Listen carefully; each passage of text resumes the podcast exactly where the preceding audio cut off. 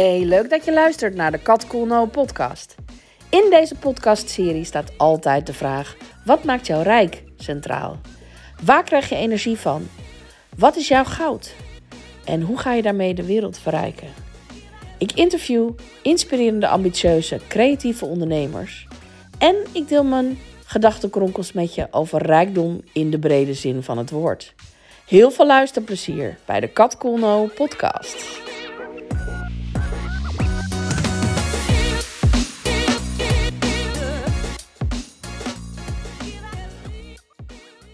Hey allemaal, welkom bij een nieuwe aflevering van de Kat Cool No podcast. En vandaag heb ik weer zo'n toffe gast, namelijk Aurélie Veltema.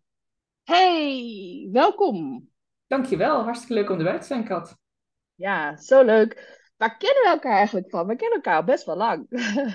Ja, ik heb in 2018 een eigen bedrijf gestart. En toen ben ik jou op een gegeven moment gaan volgen door een van jouw challenges. En daarna hebben wij een keer samen koffie gedronken. En toen heb je mij geïnterviewd voor jouw website De Rijke Meisjes. En dat was sowieso een hele inspirerende dag. Uh, heel veel van jou geleerd toen al, naast dat je me ook heel leuk hebt geïnterviewd. En ja, sindsdien ben ik je blijven volgen en wij elkaar volgens mij ook. Ja, en toen heb je even een break gehad uh, met je business. En ben je even uh, wat anders gaan doen. En nu ben je ben je terug. ja, ja, met meer focus en meer aandacht op wat ik echt wil. Ik uh, merkte in mijn vorige bedrijf dat ik te veel dingen wilde en dat het ook niet werkte. En ja, ook wat privéomstandigheden die ervoor zorgden dat ik toen dacht, ik ga terug in loondienst. En, uh, maar dat was hem niet. Ik merk dat hier echt mijn passie ligt. Wat cool. Bij het ondernemen. hey, en uh, nou, vertel eens, wat, wat, wat doe jij dan zoal? Eh, ik ben nog helemaal in de start-up fase van mijn bedrijf. Dus mijn aanbod uh, ben ik nu aan het ontwikkelen en aan het, uh, aan het uitleggen aan mensen. Maar wat ik eigenlijk wil doen is gepassioneerde ondernemers helpen om meer zichtbaar te zijn. Ik krijg enorm veel energie van wanneer mensen echt ja, iets doen vanuit hun hart. Wanneer ze het echt leuk vinden om, om met hun werk bezig te zijn, maar het eigenlijk nog een beetje spannend vinden om dat ook te delen. Dat ze denken, nou zitten ze op mij te wachten?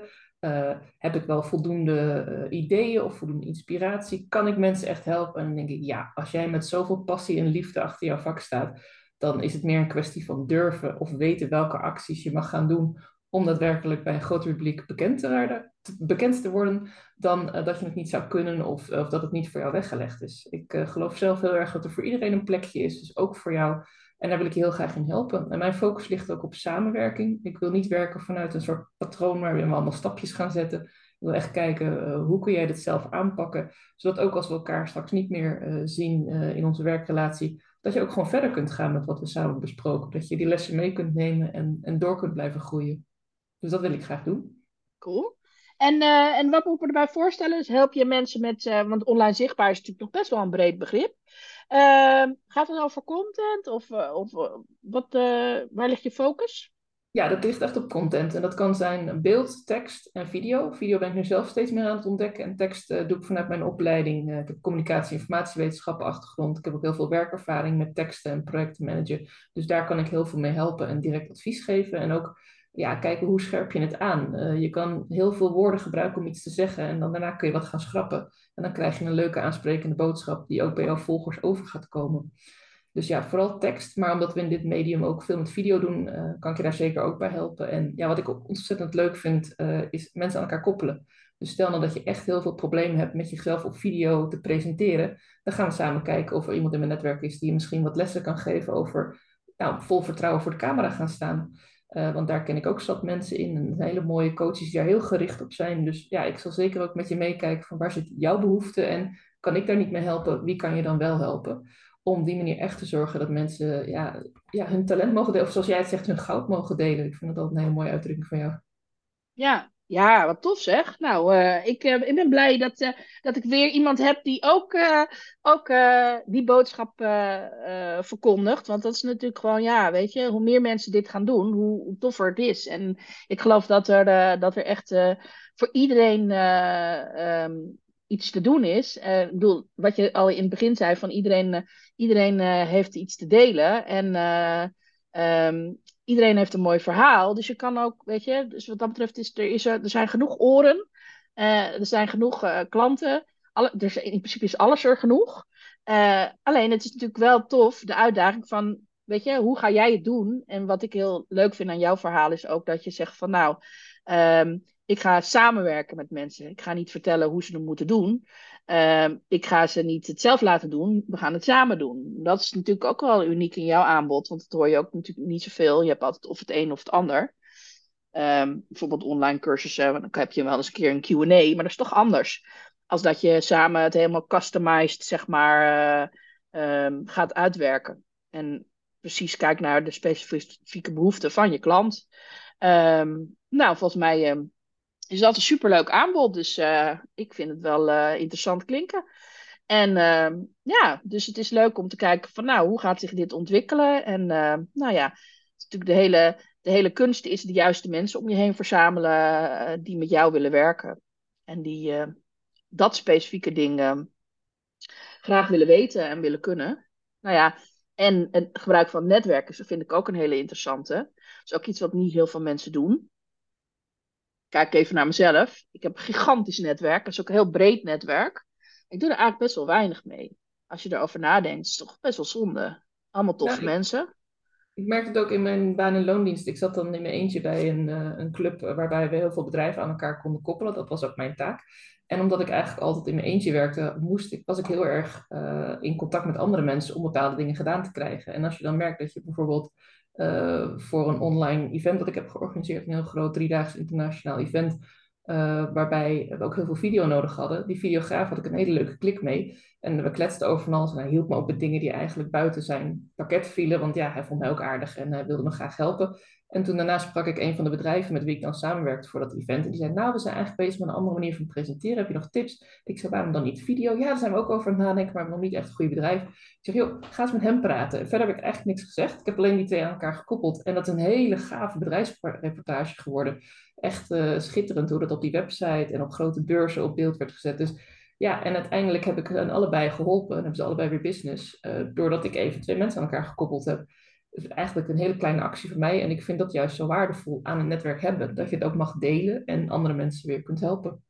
Ja, ja superleuk. En dat, dat, dat vind ik ook uh, wel uh, inspirerend aan jou. Is dat jij ook, als je iemand leuk vindt, of als jij denkt van hé, hey, dat vind ik een, een, interessant iemand, of daar heb ik een leuke klik mee, dan ga jij ook daarmee afspreken. Want dat heb je toen met mij ook gedaan. Van hé, hey, zullen we een keertje koffie drinken? En je kan natuurlijk ook, en dat is voor andere startende ondernemers meteen denk ik wel een goede tip is als je nog niet, uh, nog niet alles weet, en je hoeft sowieso niet alles te weten, uh, uh, maar weet je wel, je bent nieuwsgierig of je wil weten van, hé, hey, hoe doet iemand anders? Je kan een cursus volgen, maar je kan ook een gesprek met iemand voeren.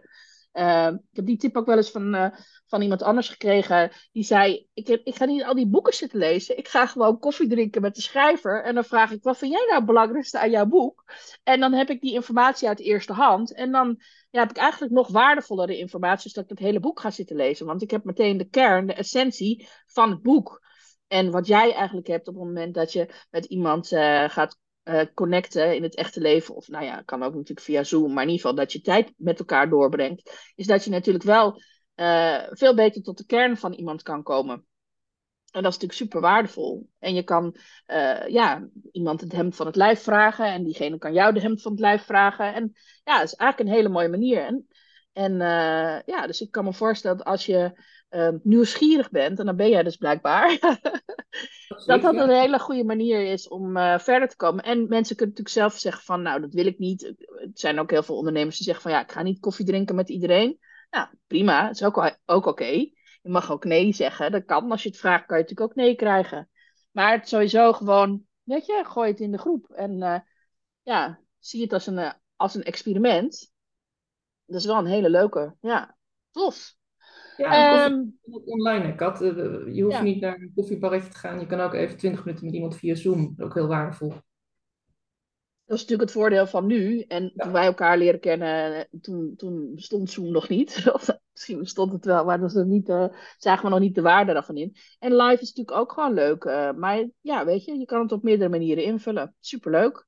Um, nou ja, goed. In deze podcast, uh, ik vind dat wel wel, um, nou ja, dat is al een soort van rijkdom, hè, wat je daarmee eigenlijk deelt. Dat je je netwerk deelt, dat je, uh, ja, dat je met iemand gaat uitwisselen, kennis uitwisselen. Um, dus dat is al een vorm van rijkdom. En in deze podcast gaat het over rijkdom in de brede zin van het woord. Um, dus het gaat ook over geld. En ehm, ik ben eh, wel nieuwsgierig naar de, jouw basis. Wat heb jij van huis uit meegekregen over geld? Ja, ik heb er daar inderdaad even over nagedacht. Eh, ook omdat ik nu met het opzetten van mijn bedrijf ook wil kijken waar zitten mijn eigen blokkades. En ik merk dat ik van huis uit heb meegekregen dat geld niet altijd vanzelfsprekend is. En dat je eh, vooral moet sparen en ook vooral uh, moet nadenken over als ik nu geld heb, noem bijvoorbeeld je vakantiegeld als je werkt, krijg je in mei een, een mooie extra som op je bankrekening. Nou, misschien kan dit jaar wel eens iets met je dak kapot gaan van je eigen huis. Of je auto kan ineens pannen krijgen langs de kant van de weg. Of uh, ja, er kan van alles gebeuren en je moet altijd een potje hebben. En ik merk dat ik ook daardoor spaarzaam ben geworden. En ik ben ook Zeeuwse, en het grapje natuurlijk Zeeuw ben zuinig. Ik ben niet zuinig, ik ben wel iemand die uh, geld uit kan geven, maar ik merk dat er altijd wel een reservering in zit van, is het echt nodig, is het echt nuttig? En dat heb ik echt wel van huis uit meegekregen. Van, en ook inderdaad het sparen, dus ja. Ja, en dus niet zomaar voor de fun allemaal gewoon maar geld uitgeven. Klopt, ja. Dat, dat is niet natuurlijk voor mij. Nee, nee. Maar, maar, maar als je dus geld hebt wat je wel zou kunnen spenderen, waar geef je het dan aan uit? Uh, nou, ik vind het sowieso heel erg fijn om dingen voor andere mensen te doen. Ik merk dat mijn love language is bijvoorbeeld cadeautjes geven. Dus ik uh, kan ook ergens rondlopen en iets zien waarvan ik weet, hé, hey, dat vindt mijn goede vriendin heel leuk. En die is binnenkort jarig of die zie ik weer ergens en dan koop ik dat gewoon. Uh, voor mijn kinderen doe ik ook heel veel. Uh, ja, ik vind het ook belangrijk dat zij een hele fijne jeugd hebben. Dat ze alles kunnen doen. Ik wil niet zeggen dat ik alles maar voor ze koop of elk spel. Want ja, dan kun je de hele Intertoys wel leegkopen of andere speelgoedwamen. Maar ik merk wel dat ik uh, ja, wel snel geld investeer in dingen die ik echt belangrijk vind voor mensen waarvan ik hou. En minder snel voor mezelf merk ik ook. Dat dat iets is wat ik dit jaar wel mag leren meer. Ja? In mezelf. Ja, ja. En want als je dan investeert in jezelf, dan zou het eerder zijn in een cursus of zo. Dus in, uh, Ik denk op dit moment dat ik genoeg cursussen heb, maar dat ik eerder in coaching, één op één coaching zou ja. investeren. En ik merk ook dat ik wat meer geld ga uitgeven aan boeken. En uh, dat ik ook wat meer de e-books nu op kant op ga. Ook omdat het op een gegeven moment allemaal maar gewoon in je kast staat. Maar ik merk dat kennis uh, vergaren en ook verschillende inzichten krijgen vanuit verschillende hoeken. Je hoeft niet altijd eens te zijn met, met alles wat je leest dat vind ik ook heel waardevol. Maar zeker ook inderdaad één op één coaching. Daar, is echt mijn doel om daar meer op in te gaan investeren. Hmm, Oké, ja. ja. Maar dat is natuurlijk, kijk, uiteindelijk is dat ook, uh, um, ja, daar vermeerder je je eigen waarde ook mee. Dus uh, je eigen waarde en je eigen waarde. Uh, allebei eigenlijk. Um, dus dat is natuurlijk ook, ja, dat is, dat, dat is investeren is natuurlijk ook iets anders dan geld uitgeven is ook wel een, een, money mindset ding. Hè? Dus als je inderdaad uh, ja, dingen, dingen voor mensen, wat je zegt, je love language. Als je dingen voor mensen koopt, dan uh, uh, ja, dat is, dat, dat is ook investeren in een relatie. Dus uh, zo kan je hem ook zien. En terwijl ja, je kan ja. ook geld uitgeven, overal koffietjes gaan drinken, bij wijze van. Ja, dat is eigenlijk, ja, maar dat is misschien investeren in genieten. Ja, dat doe ik ook wel graag weer investeren in genieten. Ik uh, zal eerder uh, wat meer geld uitgeven voor eten of drinken als ik die mogelijkheid heb, uh, omdat ik dat, daar kan ik enorm van genieten. Goed eten, lekkere wijntjes of ja, en dan de gezelligheid erbij. Ja, zeker. Daar mag het geld ook wel rollen, wat mij betreft. Ja, ja. En als je, stel nou dat het je zou overkomen dat je nog één tientje had. Misschien heb je het wel eens meegemaakt. Er zijn ook mensen die dat nooit mee zullen maken, die zo, zo spaarzaam zijn dat ze altijd wel iets meer dan een tientje overhouden. Stel, je hebt nog maar één tientje. Waar zou je dat dan aan uitgeven? Of wat zou je daarmee doen? Ja, het, het, liefst wil ik dan wel zeggen dat ik het zou investeren in een manier dat het zich dan zou vermeerderen. Maar ik ben toch een beetje bang dat ik van huis uit nog vasthouden heb en, en kijken wat kun je er nog mee. Dus ik denk dat het nog wel een struggle voor mij zou zijn. Aan de ene kant om te zorgen dat uh, ik en mijn kinderen voldoende te eten hebben, zoals zij. En aan de andere kant zou ik ook wel denken, als het echt mijn laatste tientje is, misschien dat ik dan toch wel moet gaan nadenken, hoe kan ik dat vergroten? Hoe kan ik daar meer mee doen? Want ja, als het echt je laatste tientje is, wat heb je daarna als het uitgegeven is? Dan, dan is dat op daarna. En uh, ja, ik, ik begin ook wel meer te geloven in abundance en in dat er genoeg voor iedereen. Dus ook genoeg geld voor iedereen. Dus ik denk dat ik dan toch ga proberen om mezelf ertoe te zetten om dat tientje toch op de een of andere manier ja, te vermeerderen. Ja, nou, je kan het ook uitgeven en het vertrouwen hebben dat het one way or the other toch wel weer bij je terugkomt. Ja. dat kan ja, ook. Dat, ja. dat, dat doe ik. uh, maar goed, ja, dat is ook een kwestie van ervaring. Hè? Dat je dan op een gegeven moment meegemaakt hebt dat dat zo is. Dan moet je ook een keer meegemaakt hebben. En dan liefst meerdere keren, want anders dan geloof je dat niet dat het zo is. En, uh, maar goed, ja, dat is wel, ik vind dat altijd heel veel zeggen over iemand. En uh, ik vind het altijd wel grappig. Die antwoorden zijn zo verschillend. um, Wat zou je doen als je een tientje op straat vindt? Dus dat is toch gewoon een cadeautje? Ja, nou dat is me toevallig overkomen deze winter. En eh, toen eh, heb ik het, mijn moeder en mezelf getrakteerd op iets lekkers. Gewoon even zo van, nou, ik krijg een cadeautje, dus laat het ook meteen uitgeven aan iets, iets echt waar je blij van wordt. Dus in dit geval was dat een warme chocomel op een terrasje met uitzicht op alle mensen die leuk aan het schaatsen waren op het Museumplein.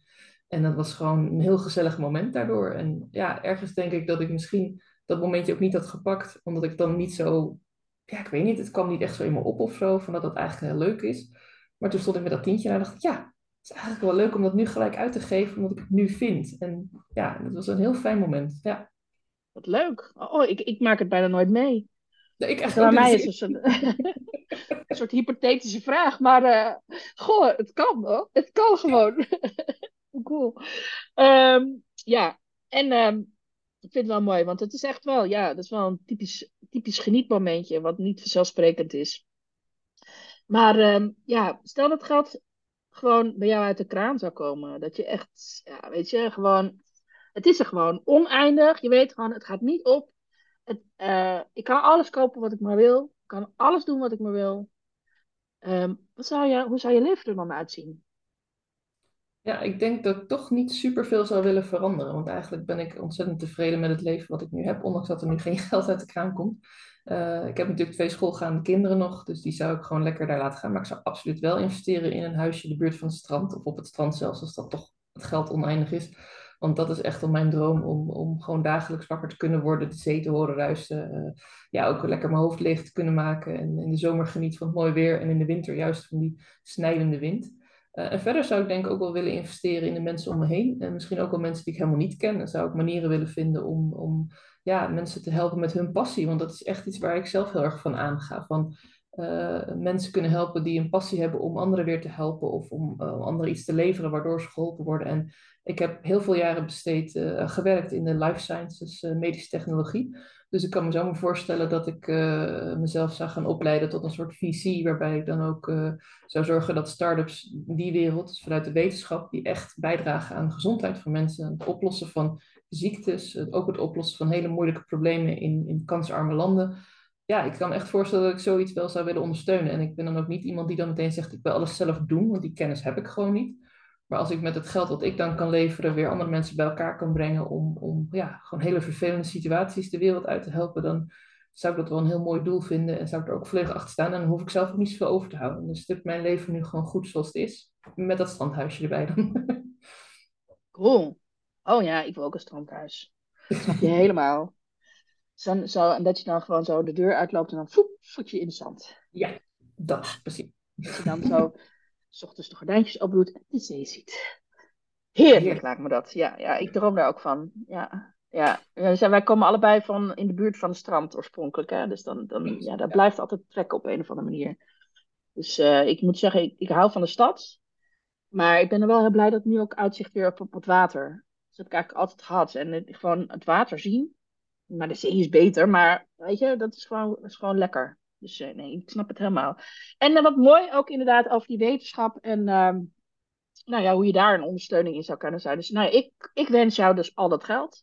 Want ja, ik hoor wel dat je daar go goede dingen mee kan gaan doen. Dus uh, ja, wat dat betreft denk ik, er is genoeg geld. Het moet alleen gewoon in, in de juiste handen zijn. En wat dan juist? Ja, dat is natuurlijk wel een beetje een interessante vraag. maar goed, ja, ik denk dus ook van waarom zou je niet Weet je, als je dat soort wensen hebt voor andere mensen en je wil de wereld beter maken, nou, waarom zou je dan niet miljonair mogen willen zijn? Dat is toch fantastisch juist? Dus die hele money mindset, weet je wel, van waarom ja, jou het niet gegund zou mogen zijn. Nou, als jij er dat mee gaat doen, hallo, hè? Je kan het ook op je bankrekening laten staan, maar dan ga je het dus blijkbaar niet op je bankrekening laten staan, maar daar ook echt iets mee doen. Nou, dan denk ik, nou, dan moet jij, dat is dus belangrijk dat je het gaat krijgen. Ja, misschien heeft het ook met waar je aan blootgesteld wordt. Ik heb uh, jarenlang uh, via de universitaire banen die ik had uh, tussen wetenschap en overheid en bedrijven ingezeten. En dan zie je ook hoe ongelooflijk lastig het is. als je kijkt bijvoorbeeld naar het coronavaccin, dat is gigantisch snel ontwikkeld omdat daar gigantisch veel geld in is gepompt. Niet omdat er ineens hele slimme mensen waren die daar veel beter in waren dan andere dingen. Want andere ziektes zijn ze ook heel goed op. Alleen daar wordt dan niet altijd het geld in geïnvesteerd. Er bestaat zoiets als, uh, uh, ik kom even niet meer op de naam, maar dat kom ik zo, orphan diseases. Er zijn bepaalde ziektes die hebben zo'n kleine uh, aantal mensen die die ziekte heeft. Bijvoorbeeld komt er voor bepaalde landen in Afrika, dat daar gewoon bijna niet in geïnvesteerd wordt. En dat er dan een Bill Gates voor nodig is om in zo'n ziekte te investeren, om te zorgen dat ook die ellende de wereld uitgeholpen wordt. En de, de, kennis is er, maar net als met wat jij zegt over geld, er is kennis in overvloed. Maar het kennis stroomt als het ware een beetje waar het geld stroomt. Dus waar de grote problemen zitten die heel veel mensen hebben. En de kleinere dingen die worden een beetje, ja, die worden ook nog wel door een paar gepassioneerde mensen wel opgepakt. Maar ja, als ik daar een bijdrage aan zou mogen leveren, dan uh, absoluut. Ja, tof. Ja, ik, eh, ik realiseerde me laatst dat, dat, dat ik het zo, ik vind het zo gek dat ze, dat ze ziekenhuizen ziekenhuizen noemen. Waarom noemen ze die niet geneeshuizen? Dat zou toch veel beter zijn? Ja. Psychologisch gezien denk ik dan van, hmm, dat is best wel raar eigenlijk. Dus genees, geneesmiddelen, die klopt dan wel wel, maar dan noemen ze dan medicijnen. Denk ik, ja, noem het dan een geneesmiddel. Dat vind ik dan alweer, dat klinkt heel positiever. Maar goed, ja. En, en ja, de discussie over het geld wat er in die wereld omgaat, dat is nog een ander verhaal.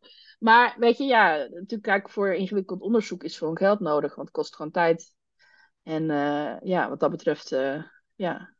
Ja, en ook die apparatuur die ze nodig hebben, die hele specifieke ja. microscopen heb ik dan van dichtbij mogen zien. Dat, dat zijn gewoon, ja, dat is niet even een televisie die je in de woonkamer zet. Dat zijn, uh, ja. En dan moeten mensen voor opgeleid worden en dan moeten mensen het 24 uur per dag ook onderhouden. Ja, daar gaat ook heel veel geld in zitten. En, en ja. misschien doordat ik die ervaring heb, dat ik het ook iets beter snap. Um, ja. ja. Ja, mensen realiseren zich helemaal niet wat er allemaal achter dingen zit, sowieso. En op het moment dat je dat dan ziet, dan kan je ook veel beter de bigger picture zien. En, en dus ook wel, uh, ik denk dat heel veel van die dingen ook ja, uit onwetendheid komen. En dat mensen gewoon denken van, ja, maar ja, maar, weet je. Maar als je dan weet van, nou, daar honderden, duizenden uren in zitten om sowieso om iets een beetje te kunnen wat zeggen ze, dus 10.000 uur nodig om iets te kunnen, echt te kunnen bevatten. Nou, moet je je voorstellen. Dus uh, wat dat betreft is dat eigenlijk ook wel uh, waar. Nou ja, dus super mooi dat jij, uh, dat jij dat ook hebt kunnen zien van, van dichtbij. En dat je daar ook, ja, dat je daar ook, ook iets mee zou willen doen. Um, ja, en deze podcast gaat natuurlijk over rijkdom. en wat mijn belangrijkste vraag had, is in het leven. Wat maakt jou nou rijk? Ja, heel veel dingen eigenlijk. Uh, familie en vrienden om me heen, de, de, liefde die ik mag delen. Ik heb twee prachtige dochters, uh, dat maakt me enorm rijk. Uh, zelfs al ben ik het op dit moment absoluut niet. Um, het feit dat ik een dak boven mijn hoofd heb en dat het ook nog een fantastisch mooi huis is waar ik gewoon zelf aan mag werken en helemaal mijn eigen kan maken. Het feit dat er boeken zijn, dat er films en video's en, en, en dingen zijn die me mogen inspireren of waarbij kan ontspannen maar een van mijn grootste rijkdommen is wel muziek. Uh, als ik me verdrietig voel, kan ik erdoor opgeleefd worden of juist het verdriet helemaal voelen. Als ik moe ben, dan kan ik er lekker mee chillen. Als ik heel veel energie heb of ik wil lekker gaan wandelen of gaan... Nou, ik heb een tijdje hard gelopen, uh, dan kan het je juist enorm helpen bij het sporten ja, er zijn heel veel dingen in mijn leven die mij rijk maken. En uh, dat zijn niet eens zozeer de materiële dingen, hoewel ik daar ook echt wel uh, voldoende in heb. En, en, gewoon wat ik zeg, een heel mooi huis. Uh, maar het zijn zeker ook de relaties met mensen. En wat ik heel grappig vind, ik vond het heel erg spannend om weer te zeggen, ik word weer ondernemer. Ik heb echt een bewust besluit genomen in 2019. Dit is het niet voor mij. Ik ga terug in loondienst. Nou, na drie jaar in loondienst was het, dit is het niet voor mij ik wil toch eigenlijk heel graag mijn eigen ding kunnen doen. En ook om de vrijheid nu te hebben om met jou dit gesprek te kunnen voeren. Om uit jouw inspiratie te mogen halen. Om mee te doen met jouw challenge ook. En daar ook weer inspiratie uit te halen. Ja, die vrijheid is me enorm veel waard. Dat is een enorme rijkdom. En ook om mijn passie te mogen delen met anderen. Om, om de ondernemers die ik nu spreek en die ik nu tegenkom. En wat die allemaal voor mooie dingen maken en, en willen doen. En dingen waar ik nog nooit van gehoord had. Uh, in de hele holistische uh, omgeving, daar wist ik eigenlijk helemaal niet zoveel van. Daar leer ik ook steeds meer over. Het feit dat ik nu door mijn werk mijn eigen horizon mag verbreden. Ja, dat is, ik kan me eigenlijk niet voorstellen wat een grotere rijkdom is dan dat. Ja, ja mooi. Ja, ik, eh, ik herken dat ook. Dat, ik heb precies hetzelfde. Dat ik, ik denk elke, elke ochtend denk ik, wauw, Weet je, dat, dat ik gewoon met, zelf mag bedenken hoe ik het wil doen. En dat ik dat, weet je, ja, soms is dat best ook wel een struggle. Hè? Het, is, het gaat niet altijd elke dag uh, allemaal smooth. En dat is natuurlijk het nadeel, nadeel van ondernemer zijn. Is natuurlijk dat je ja, het ook allemaal een beetje denkt dat je het zelf moet bedenken. En dat je ook alles moet kunnen en weten en zo. Dat is natuurlijk niet waar. Maar goed, dat denk je wel. En als je dat ook doet, dan maak je jezelf ook best wel lastig. Maar het feit dat je uh, allerlei keuzes hebt, ja, dat maakt wel groot verschil. En het is niet dat, um, zeg maar, werknemerschap niet interessant kan zijn. Maar um, ja, het is wel zo dat ondernemerschap, ja, dat voelt gewoon veel meer de touwtjes in handen. En dat is gewoon lekker. Ja, dus die, die snap ik wel hoor. Ja.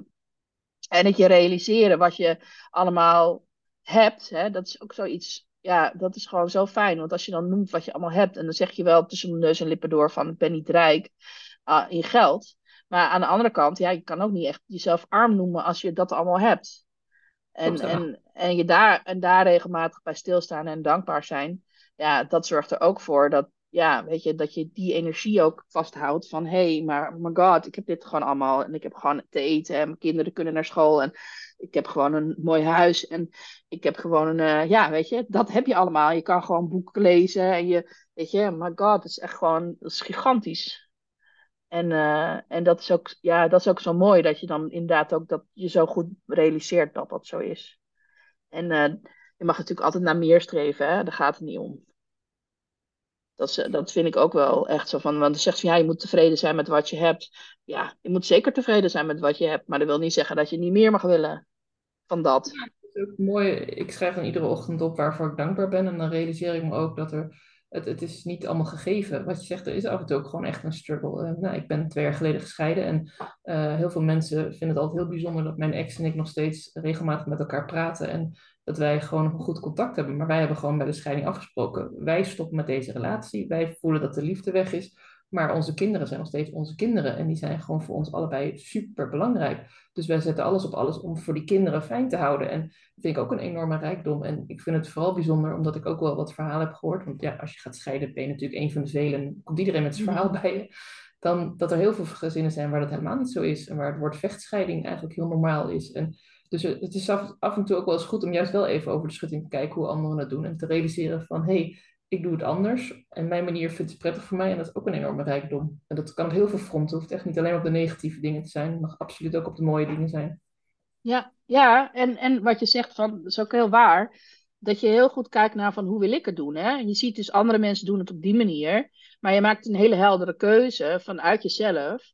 Uh, om, om het op deze manier te doen. En ik denk ook dat dat voor, de, voor je kinderen, voor jullie kinderen, ook weer een enorme rijkdom is. Uh, dat jullie het op die manier kunnen. En ik denk dan van ja, waarom zou het niet kunnen? Want ik denk, uh, je hebt allebei ooit van elkaar gehouden, anders waren die kinderen er niet geweest. Dus weet je, als je daar naar terug gaat, naar die, dat wat er, wat er toen was, en je gaat zien van wat eruit is gekomen, namelijk twee toffe kinderen, dan denk ik van, hoe kan je nou hoe kan je dat nou niet, weet je wel, super erg koesteren? En weet je, dat je elkaar dan stom vindt, ja, weet je, dat kan gewoon gebeuren. Ja, ik, ik geloof sowieso niet in eeuwige, ik geloof wel in eeuwige liefde, maar ik denk dat relaties voor altijd, dat is wel een uitdaging hoor. Want je verandert als mens, je ontwikkelt jezelf. En dat het altijd maar een match blijft zijn en dat je altijd maar elkaar interessant genoeg blijft vinden, dat is ook een uitdaging. En niet iedereen kan dat en niet iedereen wil dat. En niet iedereen hoeft dat ook. Want je loopt ook gewoon soms gewoon een tijdje met elkaar op pad mee. En misschien was wel, ik, ik denk dat in sommige relaties wel, misschien was wel het doel te voelen dat er genoeg liefde was om kinderen te laten komen. En dat dat het gewoon het doel was. Ja, ik ben ook, enorm ook voor, voor de relatie met mijn ex. Vanwege onze prachtige kinderen. En natuurlijk ook vanwege de mooie herinneringen die we samen hadden. En de lessen die we van elkaar hebben geleerd. En ook de realisatie dat je op een gegeven moment niet meer bij elkaar past, helemaal waar. En ik zie het ook in andere relaties die uh, ook echt wel een struggles hebben en die wel bij elkaar kunnen blijven, omdat ondanks dat ze dan elk veranderen en groeien, zien ze ook nog in elkaar die liefde en kunnen ze juist die verandering van de ander accepteren. vind ik ook prachtig. Daar ben ik ook heel dankbaar voor dat dat ook mag. Dus ja, ja heel erg eens met ieder op zijn eigen pad en zijn eigen manier. Ja, en ook, weet je wel, ik bedoel, dan zegt ze van ja, weet je, um, uh, nou, dat is dan heel erg dat je uit elkaar gaat. Natuurlijk, dus, want je hebt een bepaald idee in je hoofd van nou, ik wil dat het zo gaat en dan gaat het anders. Ja, dan ben je natuurlijk teleurgesteld. Het heeft met verwachtingen te maken. Uh, als je die verwachting niet hebt, kan je er ook niet teleurgesteld in zijn. Maar ja, goed, we kunnen nou eenmaal, dat hebben we nou eenmaal, die verwachting. Maar wat ik dan, wat ik dan altijd interessant vind, is van op het moment dat, uh, dat iemand niet meer bij je past, om wat voor reden dan ook, dat en je hebt, maar je hebt van diegene gehouden ergens, dat kan niet anders, dan um, uh, dat je die ander dan ook gunt dat diegene ook gelukkig is. En dat, dat als dat dan niet met jou is, ja, dan is dat met zichzelf of met iemand anders.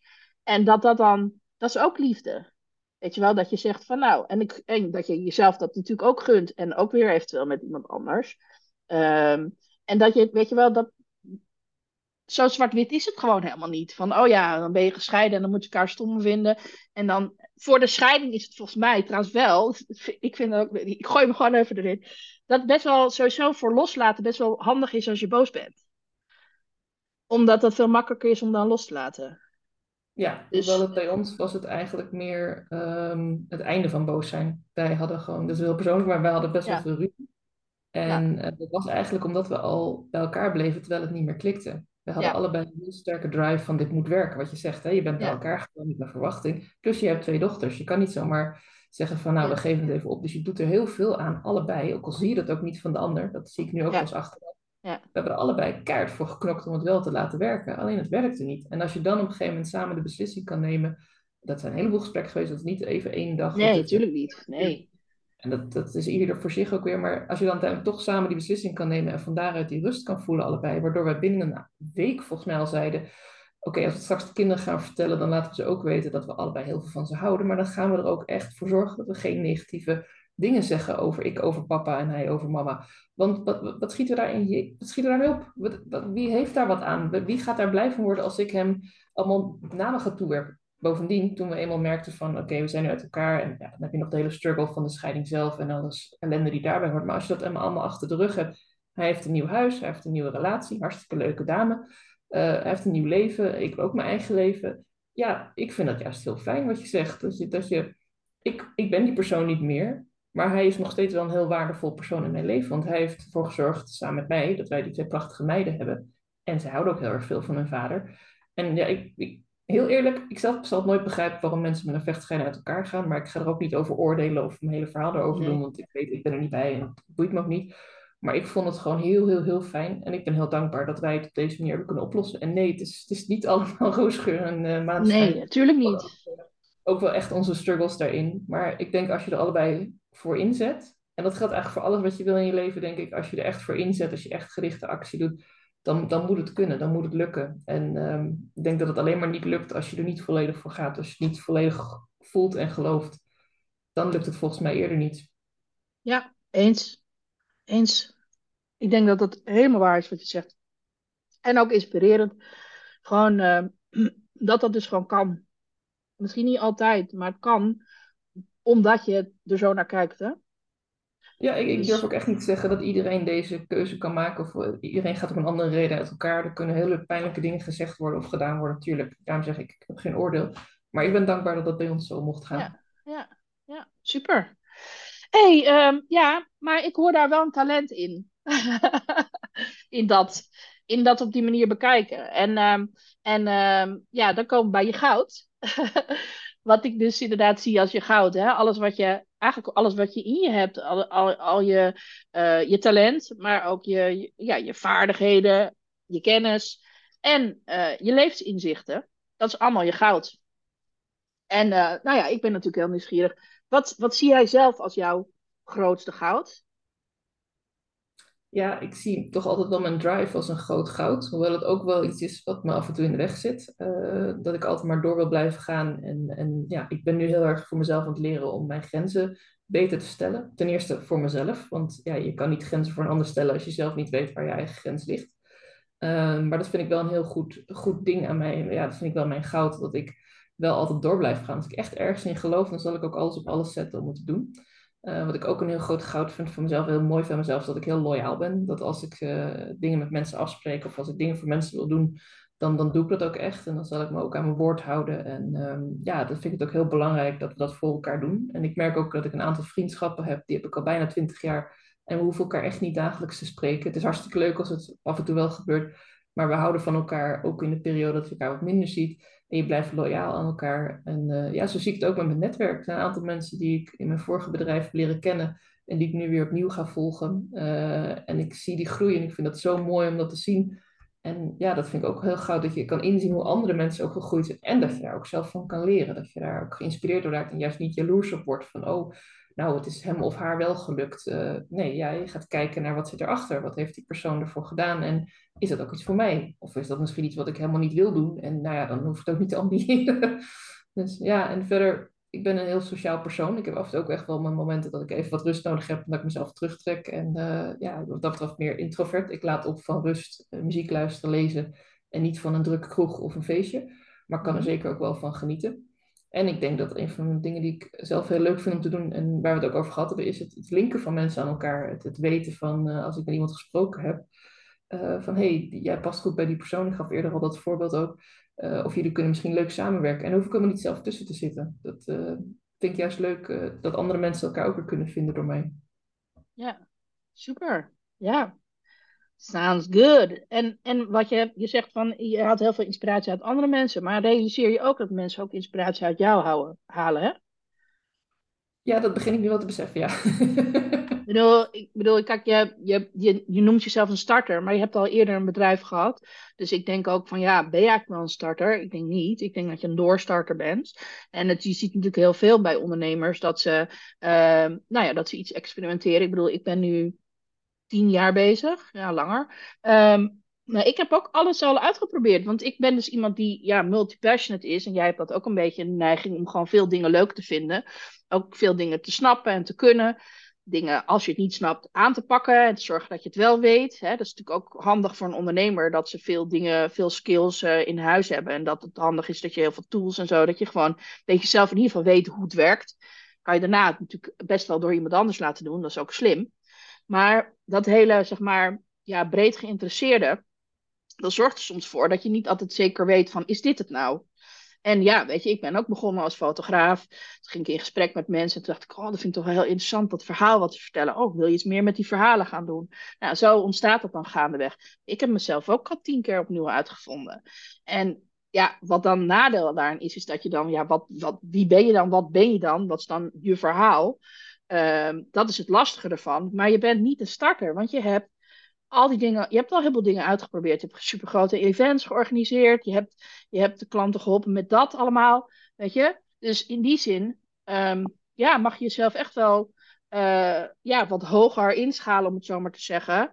Eh, niet dat het gaat over levels, maar het gaat wel over van ehm, realiseer wat je allemaal in huis hebt, dat het superveel is. En veel meer dan je misschien nu bedenkt. En dat geldt ook voor de mensen die luisteren. Is dat je, als je, als je daar eens even bij stil gaat staan, gewoon even voor de gein van, hmm, wat heb ik tot dusver allemaal gedaan?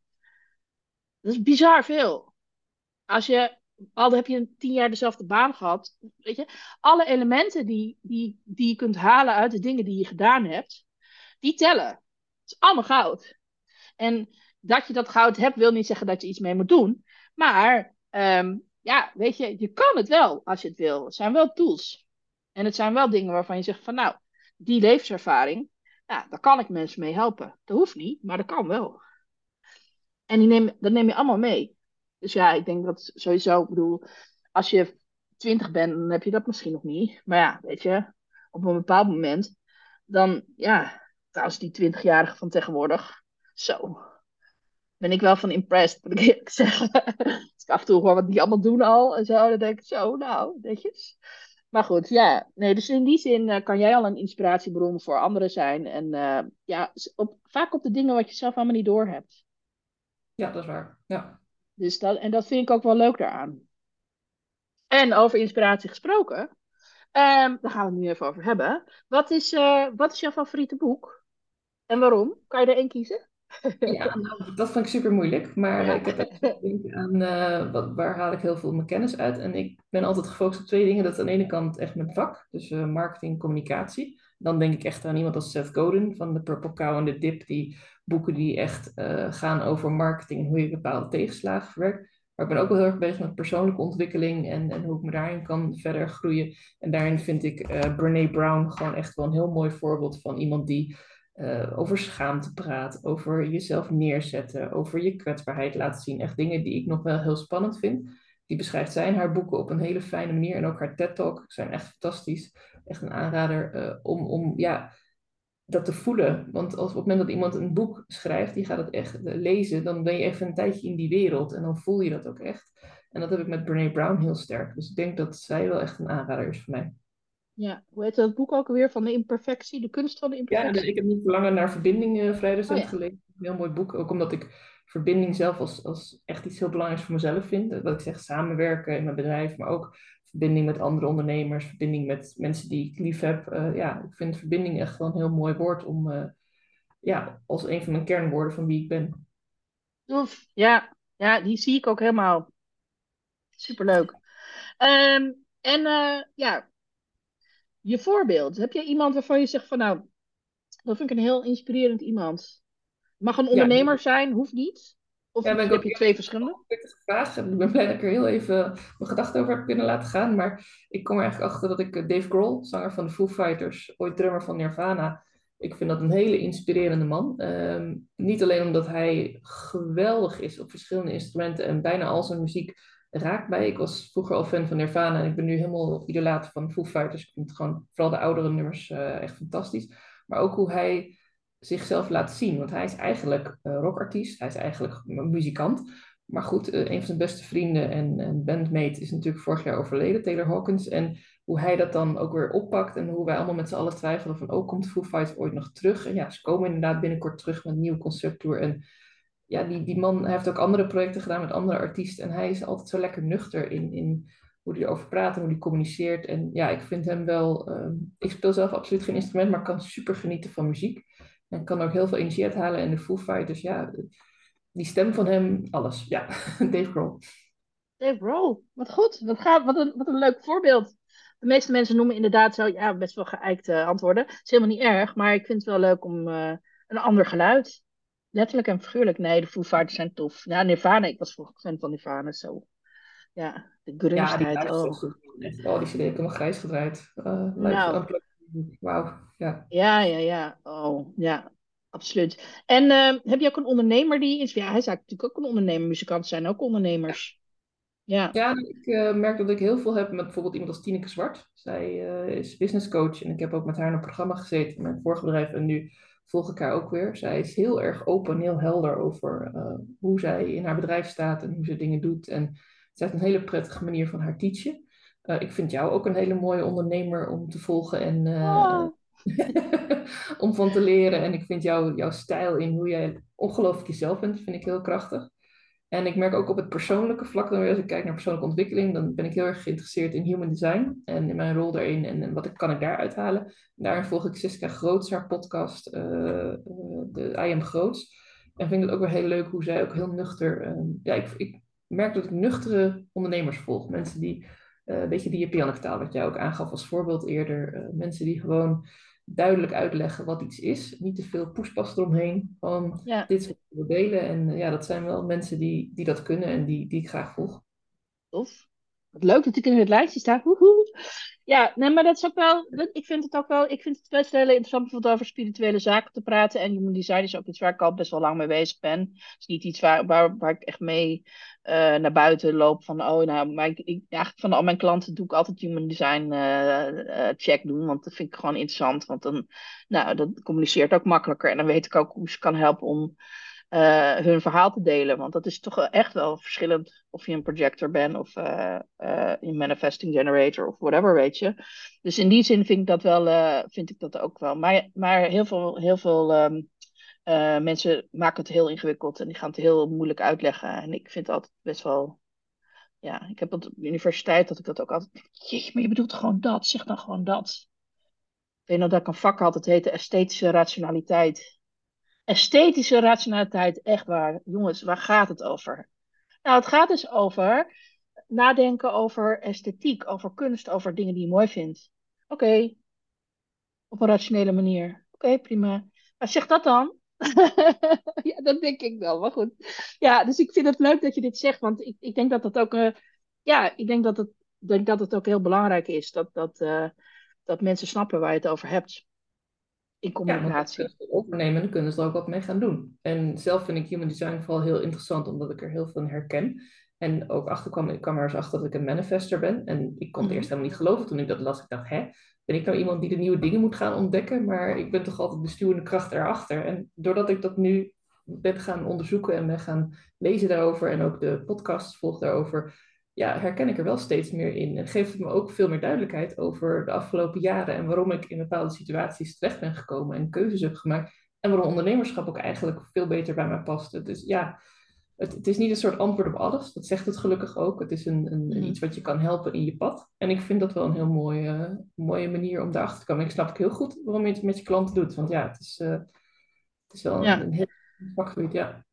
Je zet dingen neer hè, als manifester. Dus, en dat is, kan je ook heel goed. Je kan ook heel goed een event neerzetten.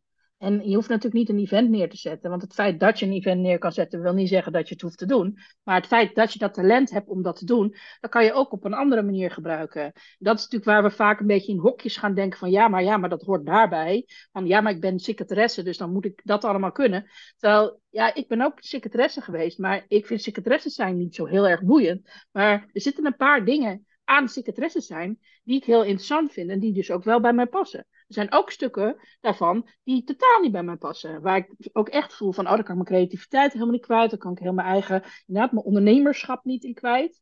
Uh, dat was ook met produceren is dat precies hetzelfde. Dat je doet heel erg wat andere mensen uh, willen. Terwijl ik wil graag doen wat ik wil. Dus daar werkt hij niet. Maar als ik dat nou voor mezelf inzet.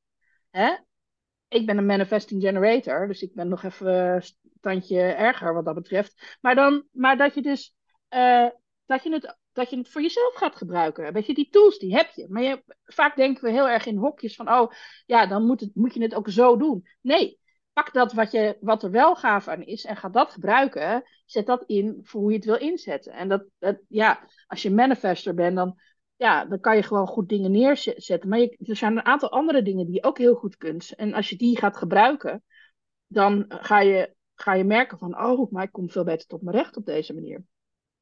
En waarschijnlijk is het misgelopen in het verleden met sommige dingen. Misgelopen, daar heb je lessen geleerd, laten we het zo zeggen. Omdat je deed wat andere mensen verwachten. Of omdat je dacht, nou, dit hoort nou eenmaal zo. Dus bijvoorbeeld secretaresse. Ik moest dan, ja, als secretaresse ging je dingen uittypen en dan ging je niet initiatieven nemen. Nou, ik deed niks anders dan initiatieven nemen. En uh, ja, dan was het dus anders dan de anderen. Uh, maar ja, wie zegt dat dat slecht is? Ik ging altijd dan liefst mee met de advocaat naar de rechtbank om daar dan het pleidooi wat ik helemaal had zitten uittypen, ook daadwerkelijk te horen, voordragen. Want dat vond ik het leukste van dat vak. En, en dat ging ik dan ook doen. Maar ja, dat, dat hoort niet. Want je moest gewoon natuurlijk op kantoor telefoon aannemen. dat vond ik stom. maar dat is dus, dan ontdek je wel van, oh ja, dit wel, dit niet. Dat is natuurlijk ook, uh, ja, dat is heel mijn boodschap met wat maakt jou rijk. Is dat je dat heel helder gaat herkennen van, hé, hey, ah, dit vind ik gaaf en dat vind ik niet gaaf. Nou ja, dat, dat doe je dus heel goed dat je daar dus in, op die manier mee bezig bent. Um, en ik ben natuurlijk ook nieuwsgierig naar, wat zit er nog achter jou verder nog?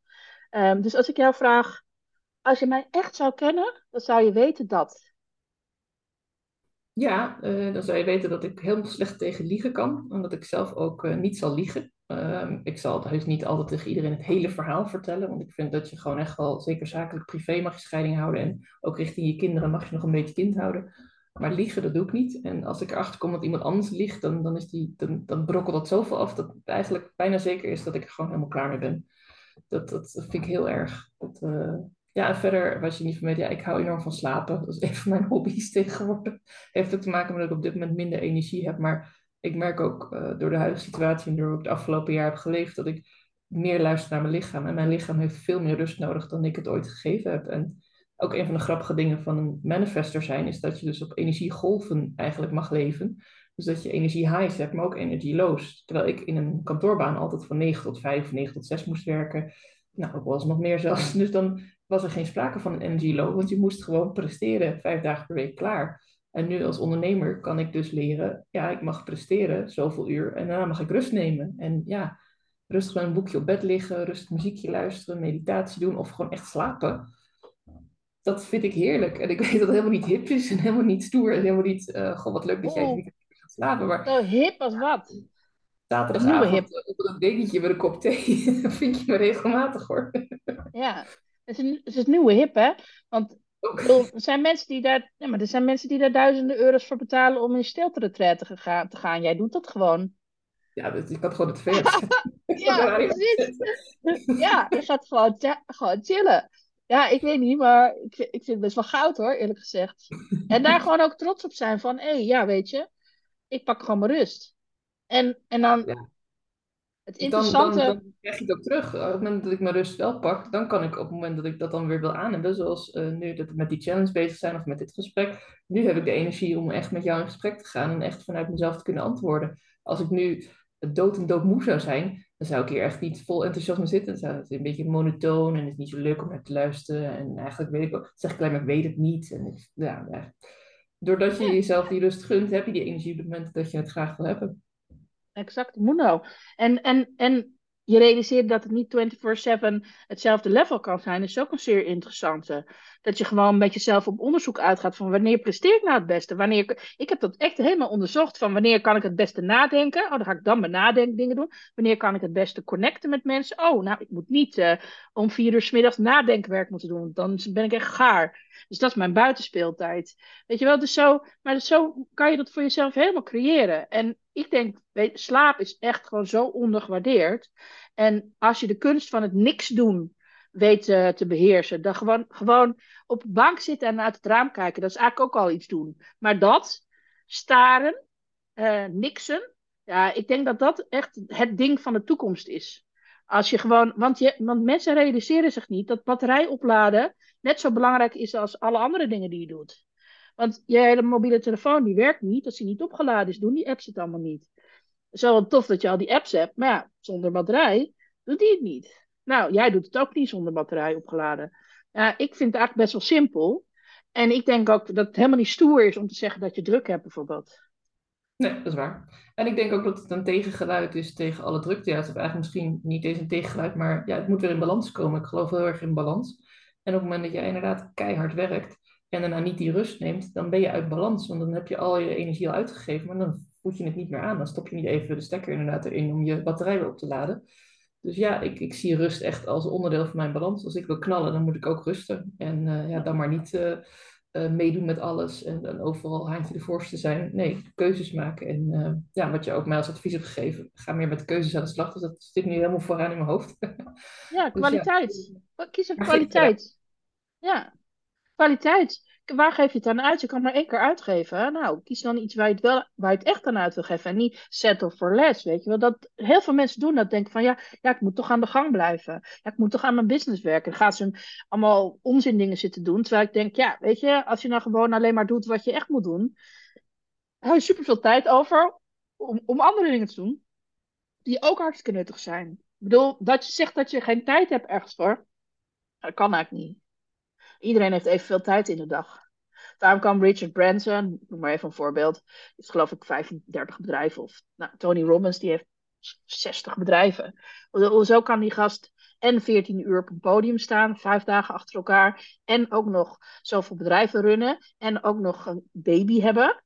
En een vrouw. En ook nog volwassen kinderen. Hoe kan, waarom kan die gast dat wel? Uh, ja, omdat hij andere keuzes maakt. Dat denk ik echt. nou, dat weet ik al zeker. En ja, weet je dat... Bijstellen. ja, ja, precies. En continu inderdaad bijstellen. En um, ja, dus dat is wel iets waar, waar, waar, ik ook wel veel van leer hoor. Van als ik daar dan naar kijk. En ook van, weet je, als die gast het kan, waarom zou jij het dan niet kunnen? Wie, wat, is, wat is die persoon anders dan ook van vlees en bloed en alles waar je vanuit ontstaat en water? Uh, waarom zou die dat dan wel kunnen en jij niet? Nou ja, blijkbaar heeft diegene daar meer uh, energie opgelegd. Ja. En wij aan iets anders. Dat is prima, maar het is wel zo dat je denkt van ja, als je dat dan ook wil, ja, nou, dan weet je wat je te doen staat. maar uh, nou ja, goed, dat, dat was in ieder geval voor mij best wel een belangrijk inzicht. En ik ben natuurlijk vooral ook heel benieuwd naar jou. Uh, wat, wat, wat zie je als een groot, je grootste, maar gewoon wat zie je als een groot levensinzicht of een levensles? Van je zegt van nou, ik denk dat wel gevormd al als kind heb ik ooit toneelles gedaan, heb ik ook op het podium gestaan. En dat was eigenlijk om mezelf meer over mijn eigen onzekerheid heen te helpen. Om wat meer te durven spreken. En ook op latere leeftijd, uh, tijdens mijn studie en ook in mijn werk, heb ik ook een aantal presentatietrainingen gedaan. Dus ik kan, wat ik al aangaf, ook op een podium. Ik kan in principe uh, mensen aankondigen en ik kan ook mijn eigen verhaal doen. En zeker kan ik ook echt wel een uur, anderhalf uur uh, een workshop vullen. Heb ik ook meerdere malen gedaan. Ik heb ook wel een keer een halve dag een workshops gegeven. Op het moment dat ik weet waar ik het over heb. Maar mijn, mijn grote kracht zit eigenlijk achter de schermen. Dus ik vind het niet erg om voor de schermen te praten en, en met mensen in contact te treden of voor een zaal. Maar ik merk dat ik zelf het sterkst ben achter de schermen. Als een soort technicus, als degene die het regelt, als degene die nadenkt over wat willen we gaan brengen. En die eigenlijk dan de showpersoon naar voren mag zetten en mag helpen van jij gaat het nu doen. En uh, ik merk dat ik daar het meest in mijn rol ben en dat het ook goed is. En ik denk dat het feit dat ik op het podium heb gestaan, dat het mij laat zien, oké, maar hoe is het dan om op dat podium te staan en wat heb je daarvoor nodig? En hoe kan ik daar dan bij helpen om dat voor elkaar te krijgen? Dus ik denk dat dat wel een van mijn grootste inzichten is. Dat het prima is om ook de persoon te willen zijn, de regisseur of de producer of hoe je het dan ook wil noemen. In die rol voel ik mij het meest op mijn gemak. Dat vind ik wel mooi. Dat vind ik wel mooi. Daar las ik ook laatst ergens van. Niet iedereen hoeft de hoofdrolspeler te zijn of de acteur. Als de, als de, acteur kan alleen maar een acteur of actrice zijn bij de gratie van alle andere mensen die er op de set zijn. Als die er niet zijn, dan kan die acteur helemaal zijn ding niet doen. Dus en ja, dat wordt dan een soort van als belangrijker geacht. Maar dat is eigenlijk niet zo. Dus dat is wel een interessante wat je zegt van. Ehm, ik, vind, ik moet ook, ja, ik denk ook van, ja, weet je, niet iedereen hoeft de hoofdrolspeler of de ster te zijn of de, uh, want die andere mensen zijn ook allemaal sterren, maar die worden alleen niet zo beschouwd. Dus het is juist ja, misschien wel... je podium pakken. Ik pak ook mijn podium door Instagram filmpjes uh, te posten, reels. Uh, en ik ga binnenkort ook wel wat meer live dingen doen. Dus ik, ik durf echt wel mezelf te laten zien. Alleen het is niet altijd mijn plek om, om zelf mezelf naar voren te schuiven. En ik vind het ook niet het allerleukste. Ik merk dat ik het het allerleukst vind om, om inderdaad het evenement te organiseren. Of om uh, iemand te helpen met het opzetten van een cursus. Of om iemand te helpen met het op, zelf op podium te gaan staan. Of uh, om iemand juist te laten zien van, hé, hey, kom maar naast me staan op het podium, want zo eng is het allemaal niet. Al die mensen gaan ook gewoon naar de wc. Al die mensen moeten ook vanavond in hun pyjama naar bed of nou, wat ze wel verder doen. Maar het, het, blijven gewoon mensen. En als je dat zelf ervaren hebt, dan kun je dat ook laten zien. Maar dat betekent niet dat ik inderdaad de acteur wil zijn in de spotlight. Ik wil juist de spotlight ja. op iemand anders kunnen zetten en zeggen van, het valt wel mee, kom maar, ga je maar eens even lekker laten zien hoe goed je bent.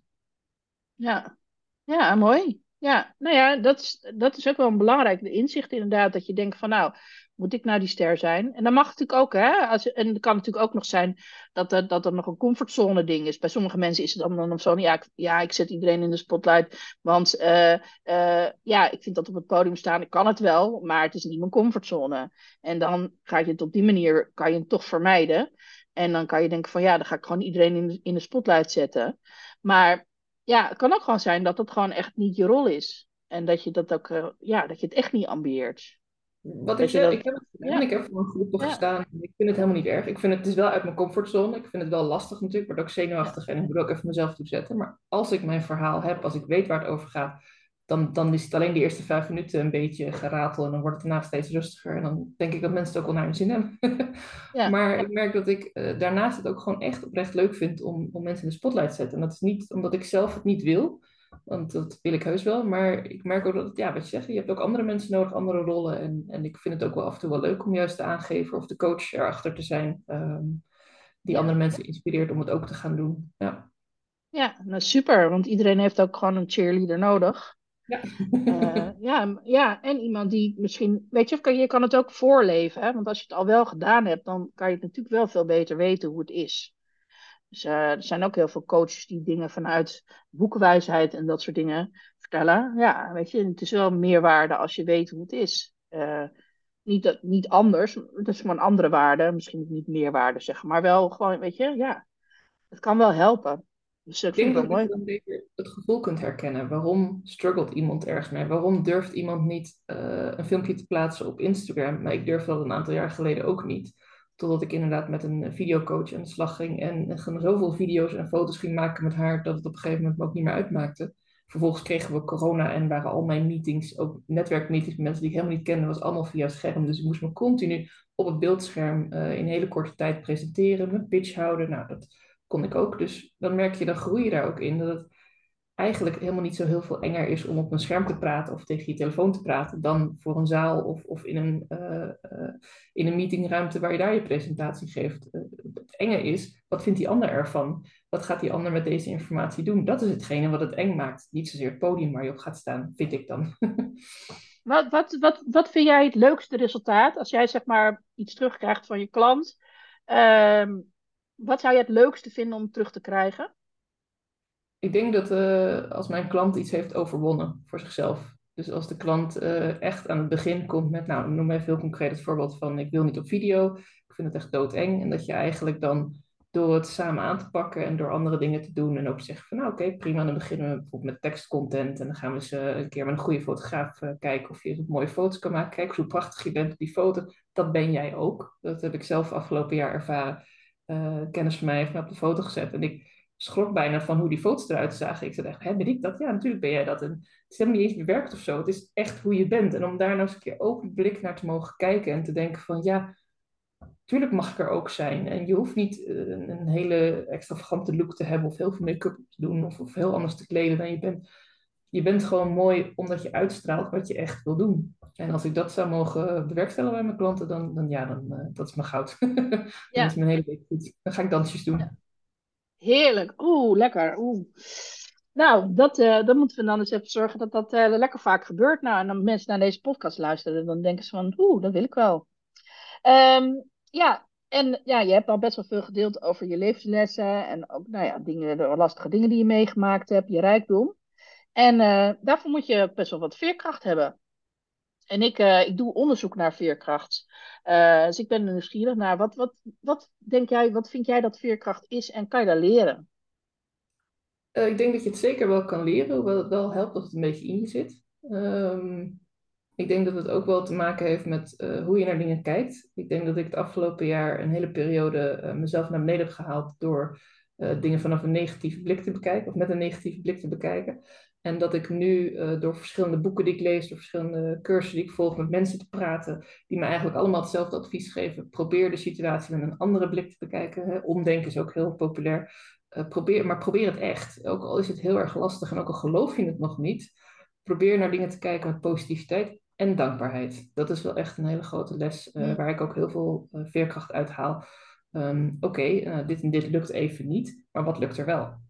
En, en, haal daar dan je energie uit en kijk dan of je daaruit uh, uit kan groeien. En, en dan, dan merk je ook dat de dingen die niet lukken, worden ook minder belangrijk voor je. Dus dan heb je weer de kracht om inderdaad terug te veren. Ja, mooi. zo goed advies. Love it.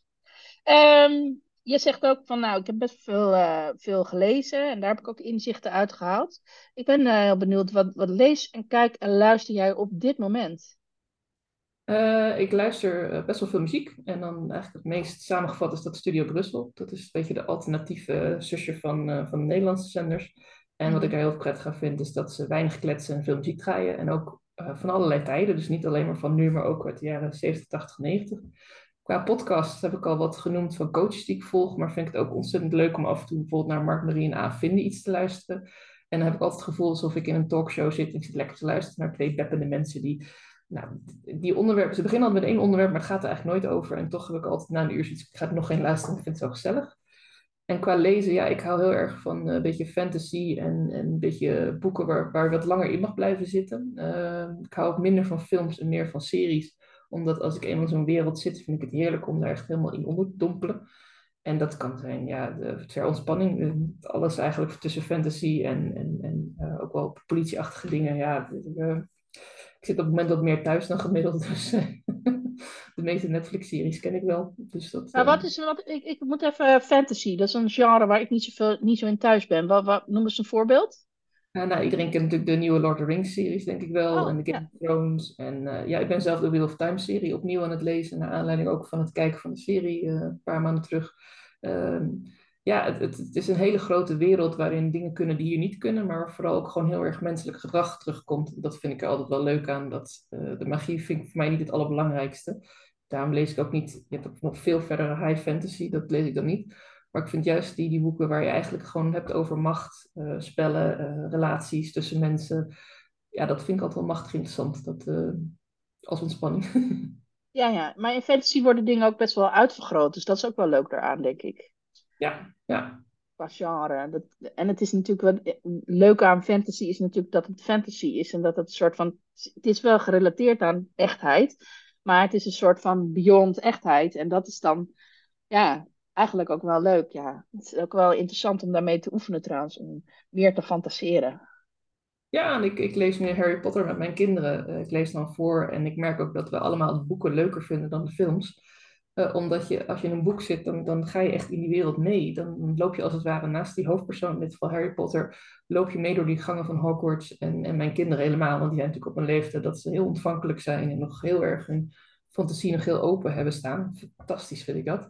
Ja, ik kan er echt enorm van genieten om dan in zo'n wereld te duiken. En uh, ja, geef mij maar een lange boekenserie ja, ja en, maar en dus wat lees je? Jij leest Harry Potter met je kinderen?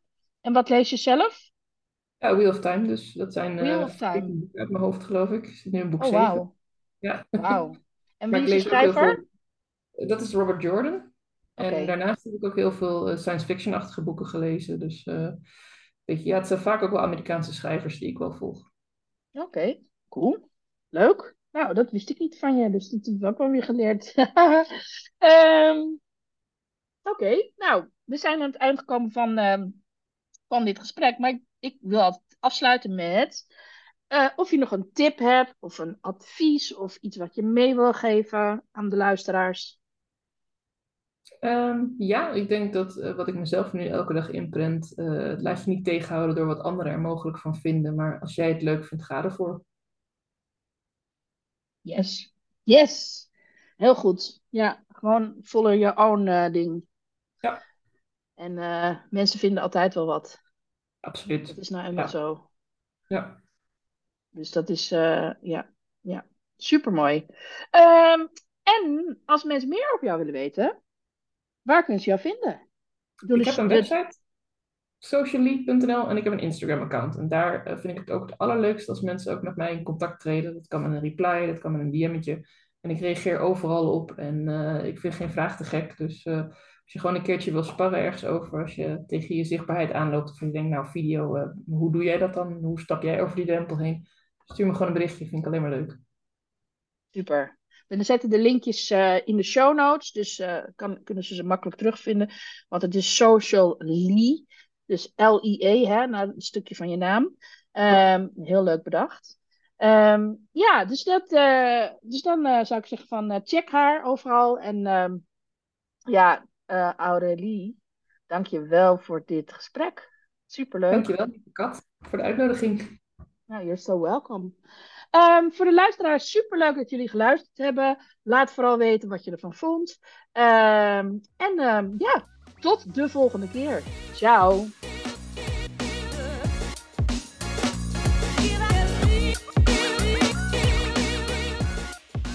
Dankjewel voor het luisteren naar deze podcast. Mocht je willen connecten of meer informatie willen hebben, dan kan je me vinden op LinkedIn en op Instagram, katkolno, T aan het eind. Tot de volgende keer. Ciao.